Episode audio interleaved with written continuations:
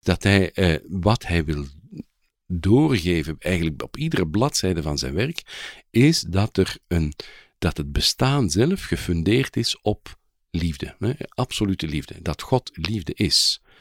En dat ja, er eigenlijk ons niks anders te doen staat dan de liefde te vertrouwen en ons durven over te geven aan de liefde.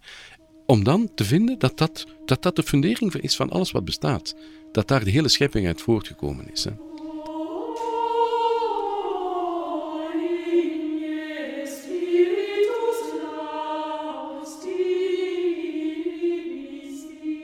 Jan van Ruusbroek is volgens professor mystieke theologie Rob Vaassen misschien wel de grootste mystieke auteur van de christelijke traditie. In het derde deel van deze podcastserie over mystiek vertelt hij over het belang van de mystiek van Ruusbroek.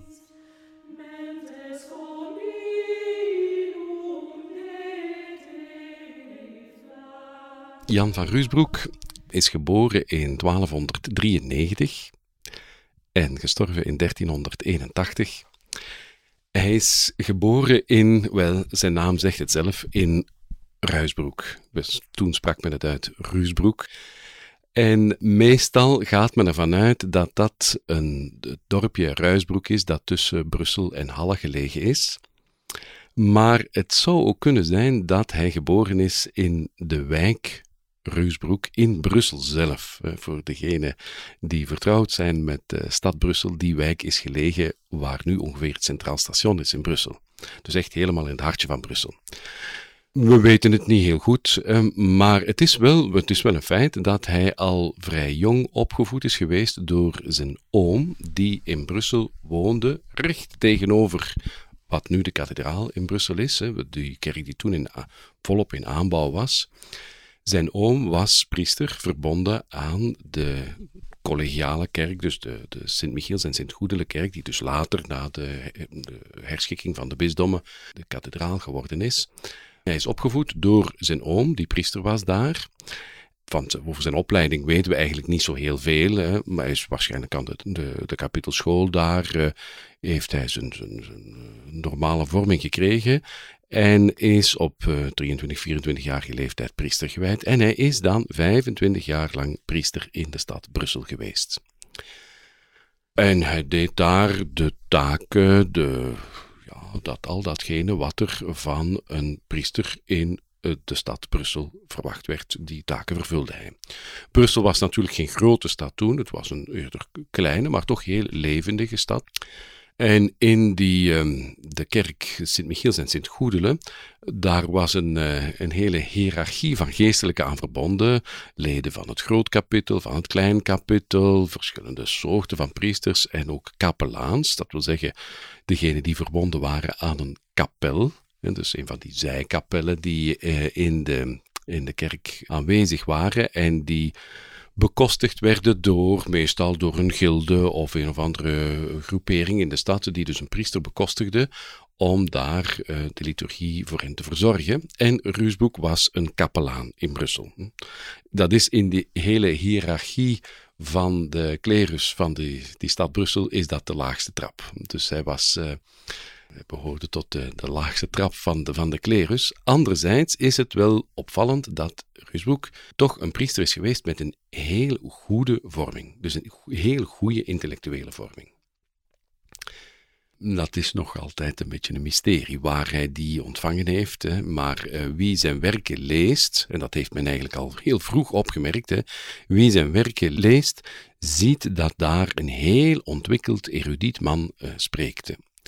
Maar het is iemand die zeker geen, ja, hoe zal ik zeggen, academische eruditie verzameld heeft. Trouwens, mocht hij uh, een, een, academische titel gehad hebben, dan zou hij waarschijnlijk geen kapelaan gebleven zijn. Dan had men hem wel bevorderd en, en ergens op een hogere trap van de ladder van de hiërarchie van de, van de, de klerus in, in Brussel geplaatst. Hè. Maar uh, hij, hij, is een, type van um, de vorming die hij gekregen heeft, moet een vorming geweest zijn die helemaal in de lijn ligt van de, ja, ik zou zeggen, de contemplatieve theologie. Veel meer dan die van de academische scholastieke theologie. misschien, en dat, is een kleine uitweiding die ik nu maak, maar misschien is het wel goed om eh, daar toch een paar woorden meer over te zeggen voor ik eh, naar het vervolg van zijn leven ga. Want op een gegeven moment is er een heeft er zich een ommekeer in zijn leven plaatsge, plaatsgevonden.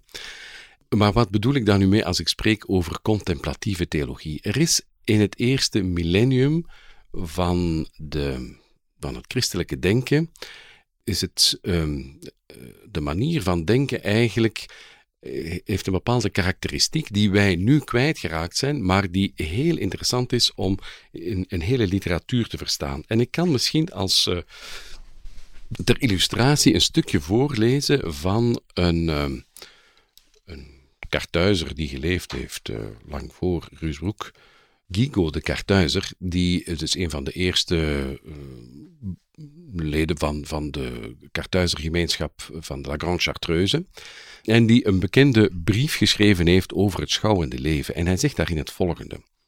Toen ik op zekere dag met het handwerk bezig was en ik was gaan denken aan de oefenschool waar een geestelijk mens in leeft, kwam het in mij op dat er vier trappen zijn. En wel de lezing, in het Latijn lectio, de overweging, in het Latijn meditatio, het biddende gesprek met God, oratio en de beschouwing, contemplatio. Ze vormen de ladder van het klooster die wordt uitgezet van de aarde naar de hemel. Geplaatst op de aarde steekt ze, eenmaal hoger gekomen, dwars door de wolken heen en speurt tot in de geheimste der hemelen. Welnu, hij gaat het nu uitleggen. Welnu, de lezing is het naarstige onderzoeken van de Heilige Schrift met de innerlijke aandacht van de geest. De overweging is de werking van het inzicht dat de kennis van de geheime waarheid tracht te verwerven onder leiding en gezag van het eigen verstand. Het biddende gesprek met God is de toegewijde gerichtheid van het hart op Hem, en de beschouwing is de vervoering van de geest die boven zichzelf in God is opgenomen, waar hij proeft van de vreugde van het eeuwige genieten. Dat is dat korte citaat, en ik vind dat hier eigenlijk heel goed uitgelegd wordt hoe men in het eerste millennium dacht. Er is eerst het niveau van wat wat hij hier dan noemt de lectio, het studeren op de teksten, op de schrift, op de, de, de, teksten van de kerkvaders. Hè. En alles wat daarvoor nodig is, want daar moet men natuurlijk ook wel wat aan aardrijkskunde voor weten. hoe ver ligt Jeruzalem van Jericho, om maar iets te zeggen. Andere hulpwetenschappen, hoeveel, hoeveel, wat is de financiële waarde van een talent of van een denari, eh, noem maar op. Dus dat is de lectio, om de tekst te kunnen verstaan. En dat deden die mensen in die tijd ook bestudeerden die teksten zo goed als ze konden. In het Latijn, moesten dus ook Latijn daarvoor leren, enzovoort. Dan is er vervolgens, hè, dus wat hij dan noemt de, de meditatie, en waarvan hij gezegd heeft, dat is de werking van het inzicht dat de kennis van de geheime waarheid tracht te verwerven onder leiding en gezag van het eigen verstand. Met andere woorden, nadenken, zelf nadenken, uw verstand gebruiken. Men zegt wel eens dat de verlichting, dus het, grote devies van de verlichting, zoals Immanuel Kant het zegt, het saper oude, durf zelf te denken. Alsof de mensen in de middeleeuwen niet zelf durfden te denken. Natuurlijk durfden die te denken. Maar zij wisten dat het verstand op een gegeven ogenblik, als het op zoek is naar de diepste waarheid, op een gegeven ogenblik stoot op de grenzen van zijn mogelijkheden. De activiteit van, de, van het menselijke verstand stoot op, op de, de grenzen van de mogelijkheden. En dan, in plaats van dan te zeggen, goed, we geven het maar op, we kunnen de waarheid toch niet kennen, wat doet de middeleeuwse denker dan? Hij gaat in gesprek. En dat is dan het biddende gesprek, de oratio.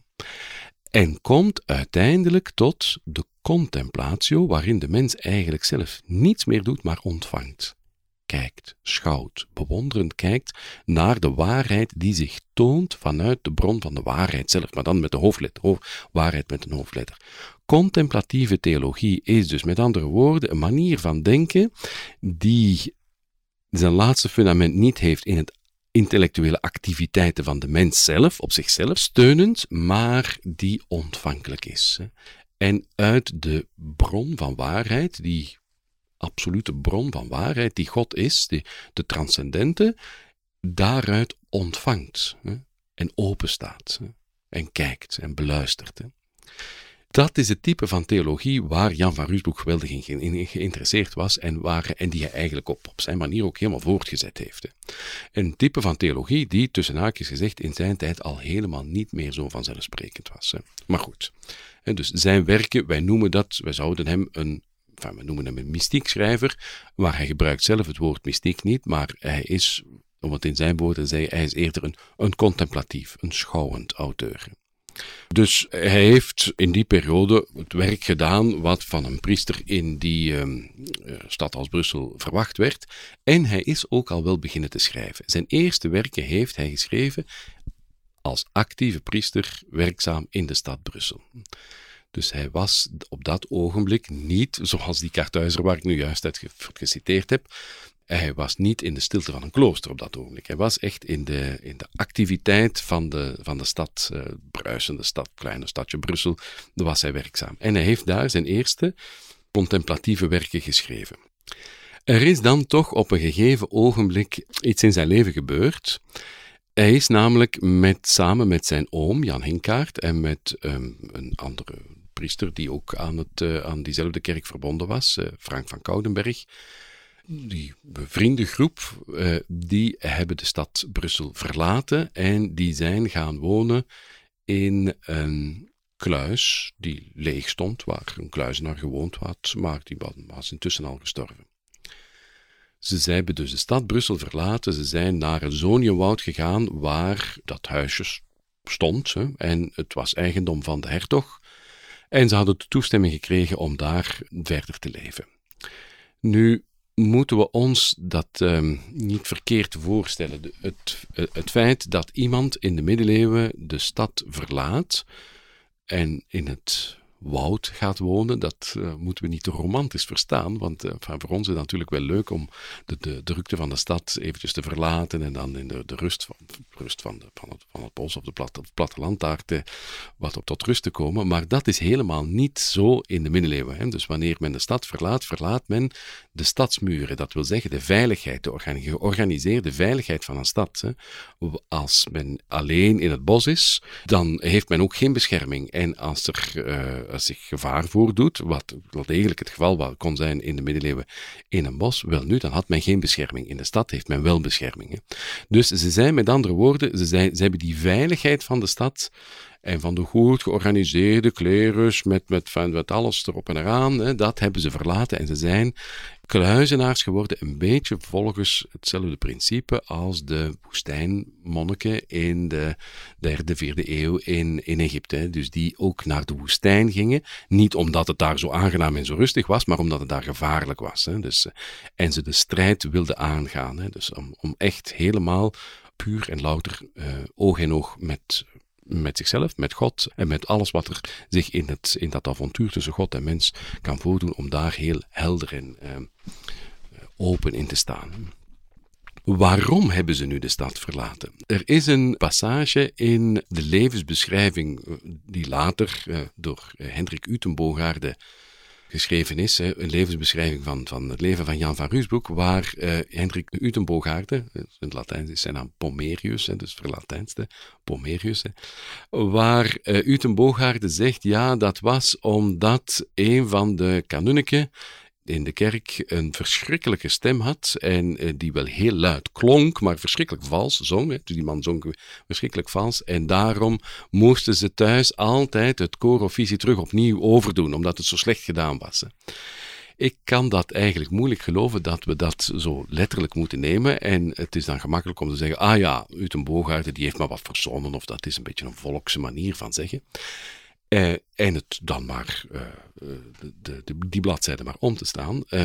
Ik denk dat er eigenlijk een dubbele bodem is, zoals dat wel meer bij in het verhaal van Hendrik Utenbogaard het geval is. Namelijk wanneer we kijken naar het werk van Jan van Ruusbroek zelf en wat het koorgebed voor hem betekent. Hij heeft een heel mooie passage in het boek van de Zeven Trappen, waarin hij spreekt over het gezamenlijk de lof van God zingen met Christus als voorzanger. Hij zegt, Christus geeft de melodie aan. En het is aan ons om mee te zingen, om de melodie te volgen. Hij geeft de melodie aan. En uh, dan, van, dat is, is, voor hem eigenlijk een beeld, voor het, voor het, of een van de beelden van het uh, contemplatieve leven. De, de liefdevolle, bewonderende lofzang van de mens tot God in harmonie met Christus. Hè, waar Christus geeft de toon aan. Bijna, bijna een soort kantor in een Joodse, Joodse synagoge. Helemaal, tuurlijk, inderdaad, helemaal. Hè. Dus dat is ook eigenlijk het, de rol van de voorzanger, die trouwens in, het, uh, in het Latijn ook de naam kantor heeft. Hè, dus hè, dat, is, dat is de rol daarvan. Hè. Nu, als we dat in ons achterhoofd houden en we kijken dan naar die tekst van Uten Bogaarde, dan verschijnt er iets anders, lijkt mij. Ze zien het probleem van een van die mensen, van de klerus in Brussel, die vals zong, dat wil zeggen die niet in één klank met Christus zong. En dat was iemand met een stem als een trompet, zegt, uh, zegt uh. Die zong dus heel, heel luid. Hè. Uh, met andere woorden, hij zag daar iets wat fundamenteel mis was. Hè, wat niet in één klank was met Christus. Hè, maar blijkbaar wel een, persoon die, die, die, het, voor het zeggen had. Hè, en in plaats van dan, ja, hoe zal ik zeggen, het conflict ten top te drijven, hebben ze gezegd, dan gaan we liever deze, deze omgeving verlaten en laten we dan naar het bos gaan en daar uh, onze eigen gemeenschap starten. Dus uh, dat is denk ik eigenlijk de dieper liggende reden. Er zijn in het werk van Ruusbroek heel wat passages waarin hij um, heel scherp de wantoestanden bij de klerus beschrijft. Ja, en hij heeft ze natuurlijk heel goed gekend. Hij heeft, gewoon, hij heeft er deel van uitgemaakt. Hè. Hij kende dat, hij heeft dat met eigen ogen gezien. En wat hem vooral bedroeft, is een soort oppervlakkigheid bij de klerus. Hè. Dus een gemis aan een, aan een heel, ja, persoonlijk uh, besef van de diepte en de schoonheid, ja, de diepe schoonheid van, van het geloof en van de persoonlijke verbondenheid met Christus. Dat men daar, dat ze daar niet de minste besef van hadden. En dat is waarschijnlijk wel een van de redenen waarom Ruuswoek is beginnen te schrijven. Pomerius zegt dat hij is beginnen te schrijven omdat er zich allerlei uh, vreemde denkbeelden aan het vormen waren in, in die periode en er nood was aan degelijke, goede, spirituele uh, literatuur.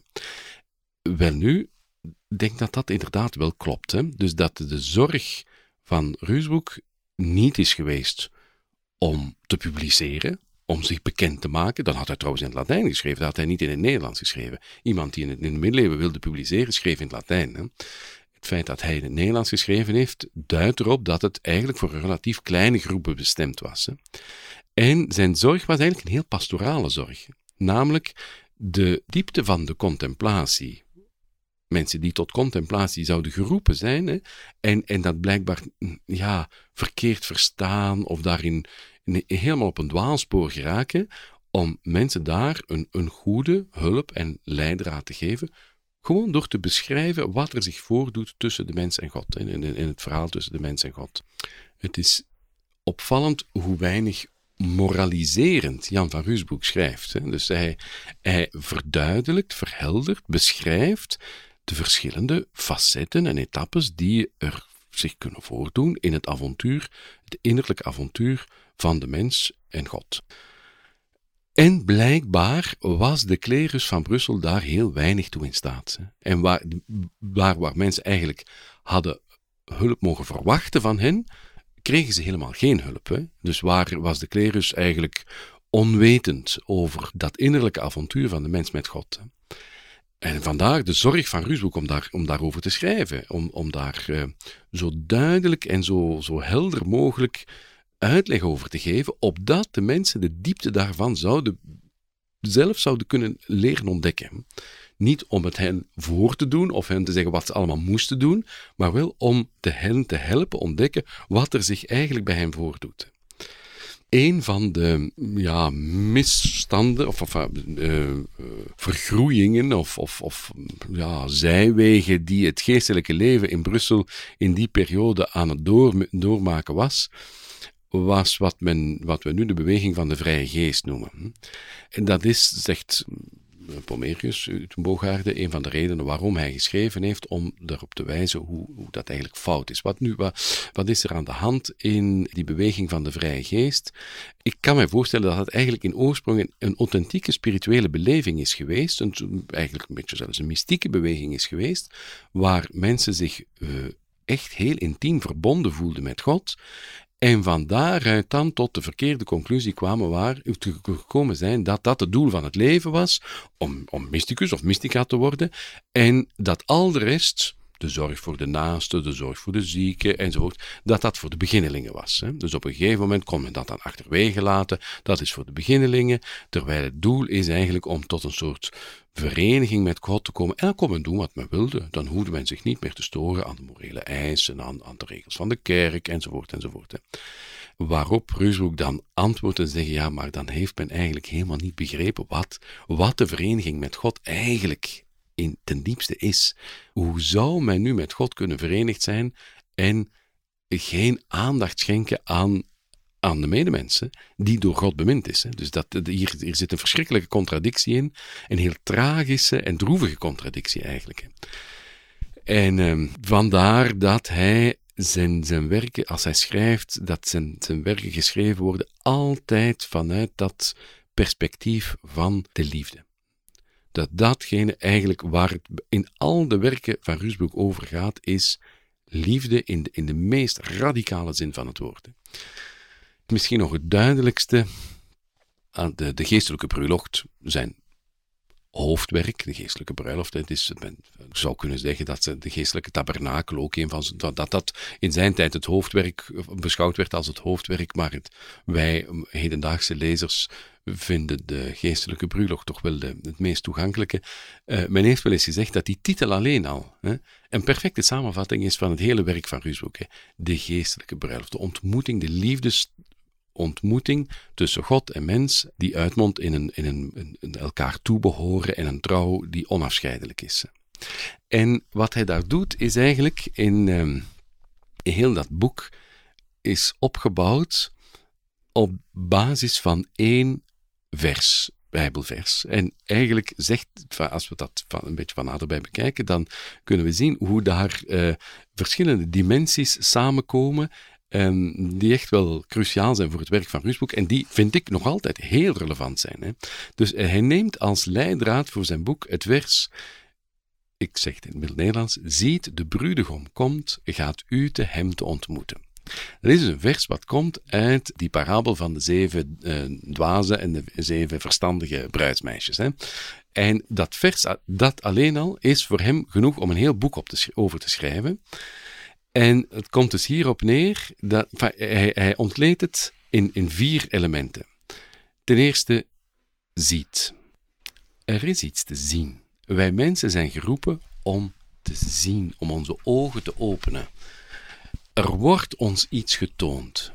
En hier hebben we natuurlijk heel die dimensie van de contemplatieve theologie, dat het, het, het mooiste wat de mens kan overkomen is het zien, dat, dat, geheim dat naar ons toe komt. Ja, de bruidegom komt, niet het geheim, de bruidegom komt naar ons toe. Het is God die het initiatief neemt en naar ons toe komt. Niet wij hebben God bemind, God heeft ons het eerst bemind. Het komen van God, naar ons toe komen, wat zich eens in het verleden heeft voltrokken, dus bij de menswording, maar wat zich ook vandaag, dus de Rusboek zegt dat uitdrukkelijk, dus het gebeurt ook vandaag in elk liefhebbend hart komt God naar de mens toe, wordt God geboren. Het, het, het is het, het kerstmis dat zich ieder ogenblik opnieuw voltrekt in het heden. Rusboek is daar erfgenaam van een oude traditie, dus um, een heel interessante traditie trouwens. Gaat uit. Ziet, de bruidegom komt, gaat uit. Blijf, de, de mens is geroepen om uit zichzelf te treden. Het ideaal de volwassen mens is niet degene die perfect in zichzelf rust en zijn, zijn steunpunt in zichzelf gevonden heeft, hè, maar de volwassen mens is degene die durft uittreden naar de ander. Het gericht zijn op de ander is fundamenteel voor Rusbroek. En hij denkt dat tot in de laatste consequenties, denkt dat dat helemaal door. Het gericht zijn op de ander. Daar vindt de mens zijn geluk in. En wie op zichzelf gericht is, bij wie die gerichtheid op de ander onderontwikkeld is of geatrofieerd, zo iemand is ongelukkig, is eenzaam. En wij voelen gewoon aan dat dat, dat, dat niet goed is, hè? dat het onnatuurlijk is. Hè? En het feit dat wij ons geluk vinden in het gericht zijn op de ander, duidt erop dat dat het meest natuurlijk is. Dat we zo, dat we zo geschapen zijn om de ander, hè, gaat uit om de ander te ontmoeten. De ontmoeting van God en mens, want God is tenslotte dan de ander in de absolute zin van het woord, hè, die op geen enkele manier samenvalt met zijn schepping. Hè. Dus de, God, God is nog zoveel meer de ander dan, ja, dan, dan, dan onze medemens bijvoorbeeld. Hè. Dat hoe meer de ander ander is, hoe groter het geluk van de ontmoeting. Dus het, de mens die God ontmoet, God die de mens ontmoet, die, ze zijn zo totaal verschillend, want ze zijn schepsel en schepper. En nogthans, het is precies voor die ontmoeting dat God zijn schepsel geschapen heeft. En in die ontmoeting vindt het schepsel zijn grootste geluk. Ziet, de bruidegom komt, gaat u te hem te ontmoeten. In dat ene zinnetje, hè, dus daar haalt Rusboek, dat zijn, dat zijn ja, een, een, hele reeks werelden die daar, eh, die daar open gaan hè, en, en die hij ont, ontleedt. En hij ontleedt dat op drie niveaus. Hij ontleedt het op het niveau van de menselijke activiteiten. Wat wij doen om uit onszelf te treden. Wat wij doen om ons in liefde te richten op de ander. Maar ook hoe dat in het innerlijke leven niet in onze uiterlijke activiteiten, maar in het innerlijke leven zich kan realiseren. Wanneer we eigenlijk meer aangetrokken worden door de ander. Dat het passieve nog groter is dan datgene wat wij zelf doen.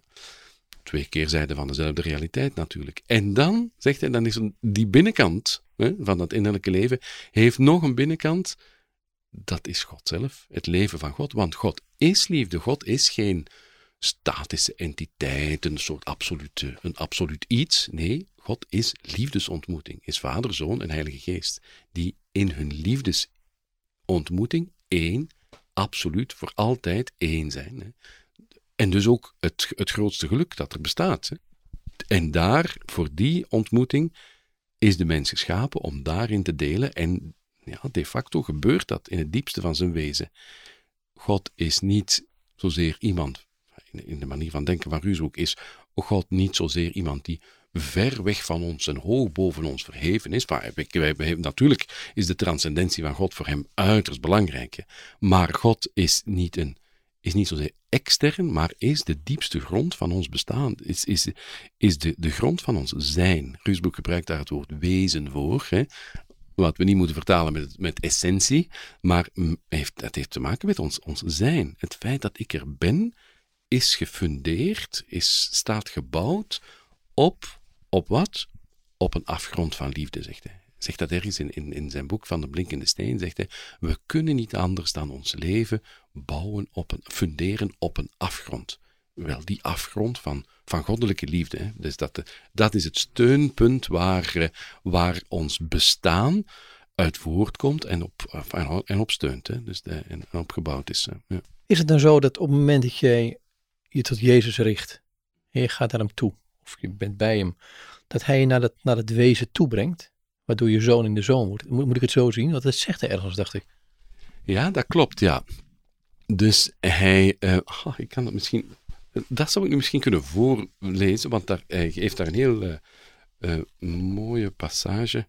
Ja, het is een passage uit um, nee, een kort boek van hem, van de Blinkende Steen wat hij geschreven heeft voor één enkele persoon. Dus dat op zich vind ik al, al, al formidabel. Hè? Dus dat hij geen groot publiek wilde hebben, maar dat het één enkele persoon voor, uh, het waard was om een boek voor te schrijven. Maar is dat, is dat meteen niet, hè? als je dat zo zegt, is dit niet het geheim van het leven? Dat wij niet van een groot op een podium staan, maar eigenlijk altijd één op één met mensen zijn? Ja, inderdaad. Hè. Oh ja, ja, heel zeker. Ja, ja.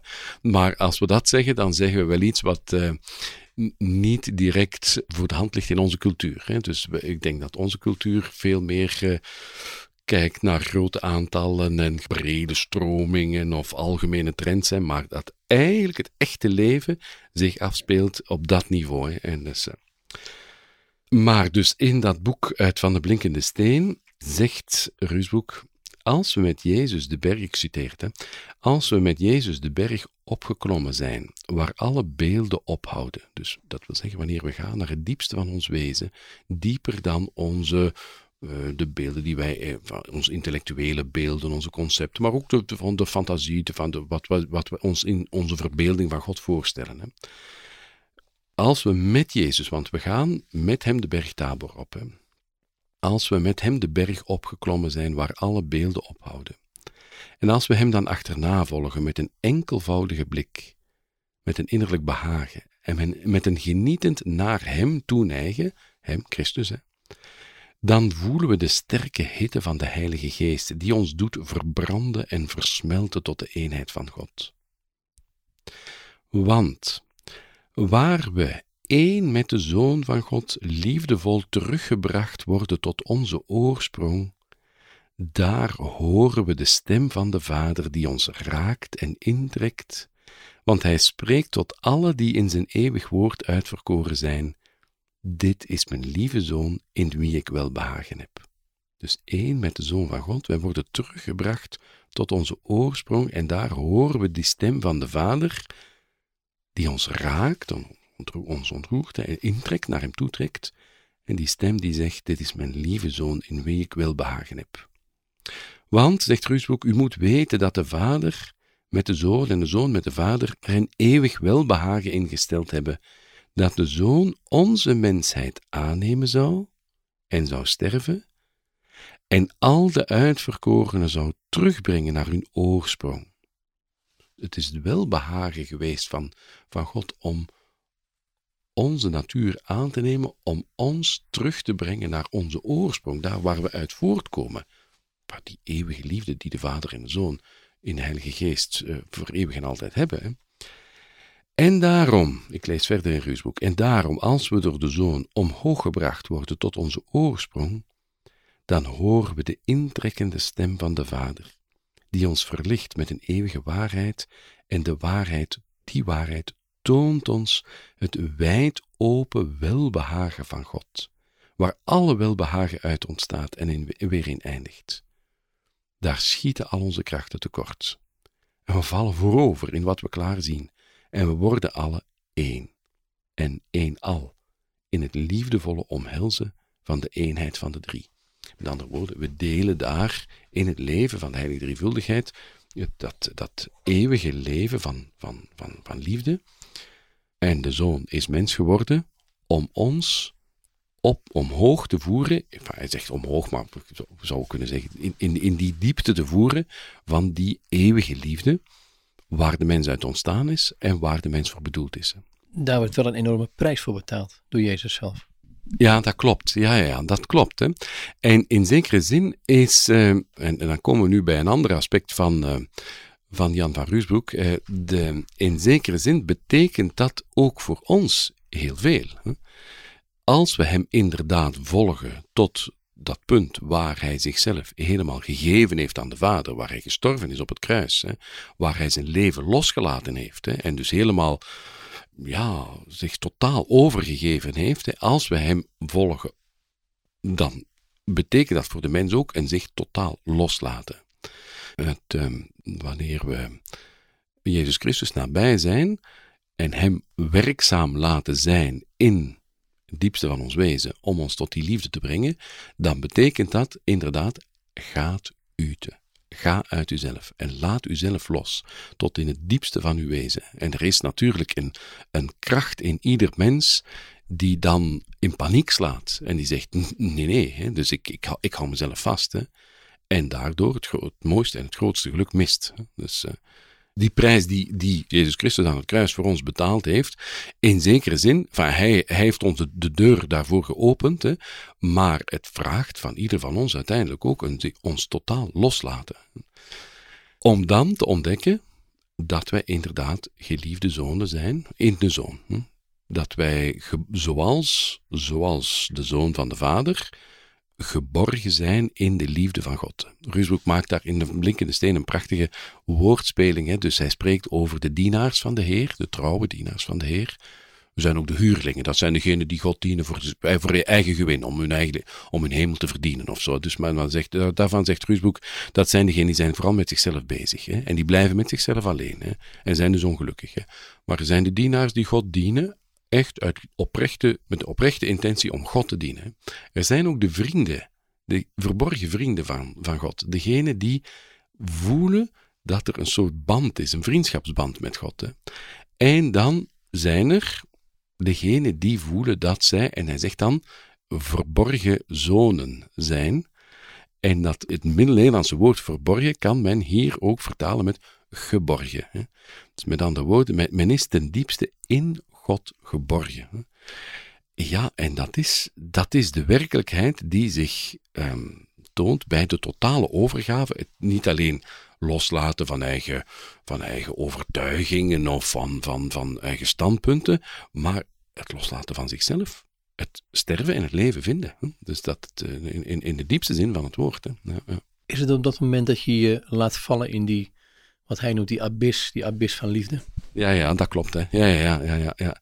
En dat het, uh, ja, en waarschijnlijk is dat, van, ik, vind dat een van de mooiste en meest aantrekkelijke aspecten van, van die uh, mystieke literatuur, zoals Ruusboek die beschrijft, hè, dat datgene wat nu juist het meest beangstigende toelijkt voor ons spontaan natuurlijk. Hè, en, en in heel onze cultuur, maar niet alleen onze cultuur, dat is in alle culturen zo. Hè, het zich totaal loslaten, dat is wat het, wat het meest beangstigende toeschijnt, hè, dat dat beschreven wordt als een moment van totale vervulling en van het grootste geluk wat er mogelijk is. Hè. Dus dat, dat er een liefde verborgen is achter het bestaan, hè, die door de contemplatieve ontdekt wordt. Hè. Ze hebben, ze hebben daar iets van ontdekt. Hè.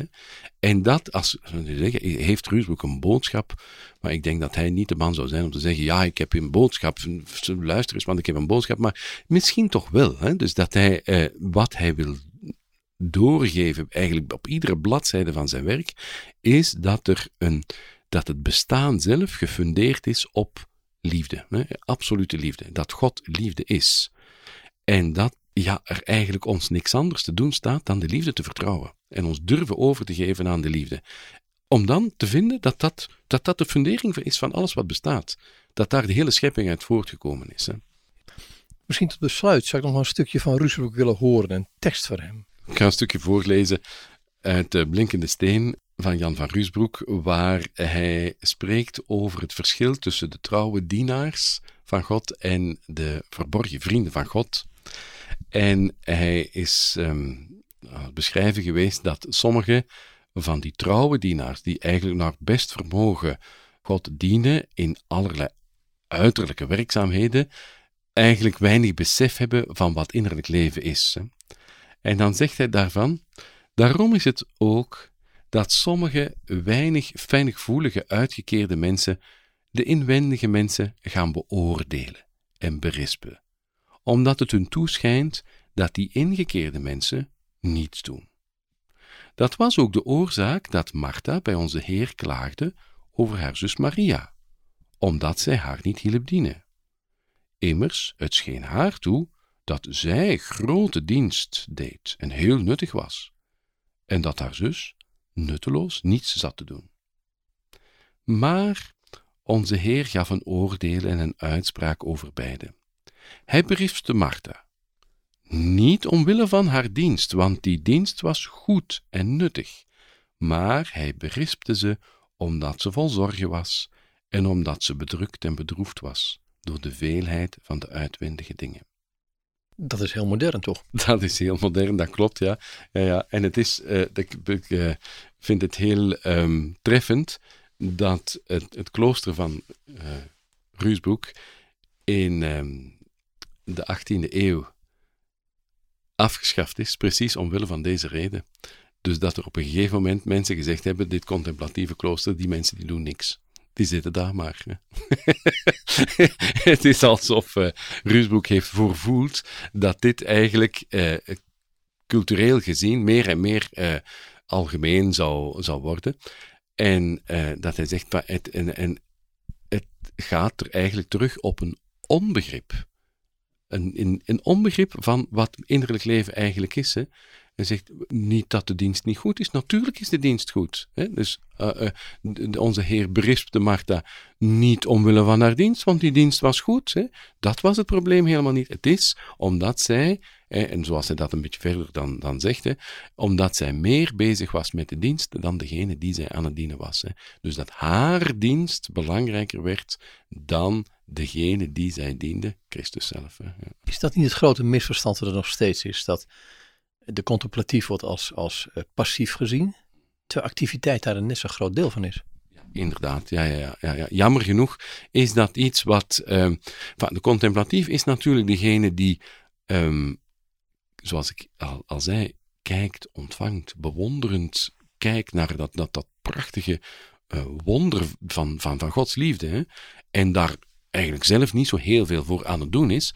Maar iets anders is dat die bewonderende uh, liefde, dat een bewondering voor de liefde van God bij hem een, een, een, liefde oproept, die hem doet delen in de liefde van God en hem daardoor zich doet inzetten voor de medemens op een, op een, op een heel efficiënte manier. Dus veel efficiënter dan men soms denkt. Hè. Dus dat de, de contemplatief helemaal niet iemand is die verdampt uit de menselijke werkelijkheid, maar in tegendeel juist de, de schoonheid en de waarde en de diepte van de menselijke werkelijkheid nog veel beter uh, beseft dan degene die niet met God verbonden is, contemplatief met God verbonden is.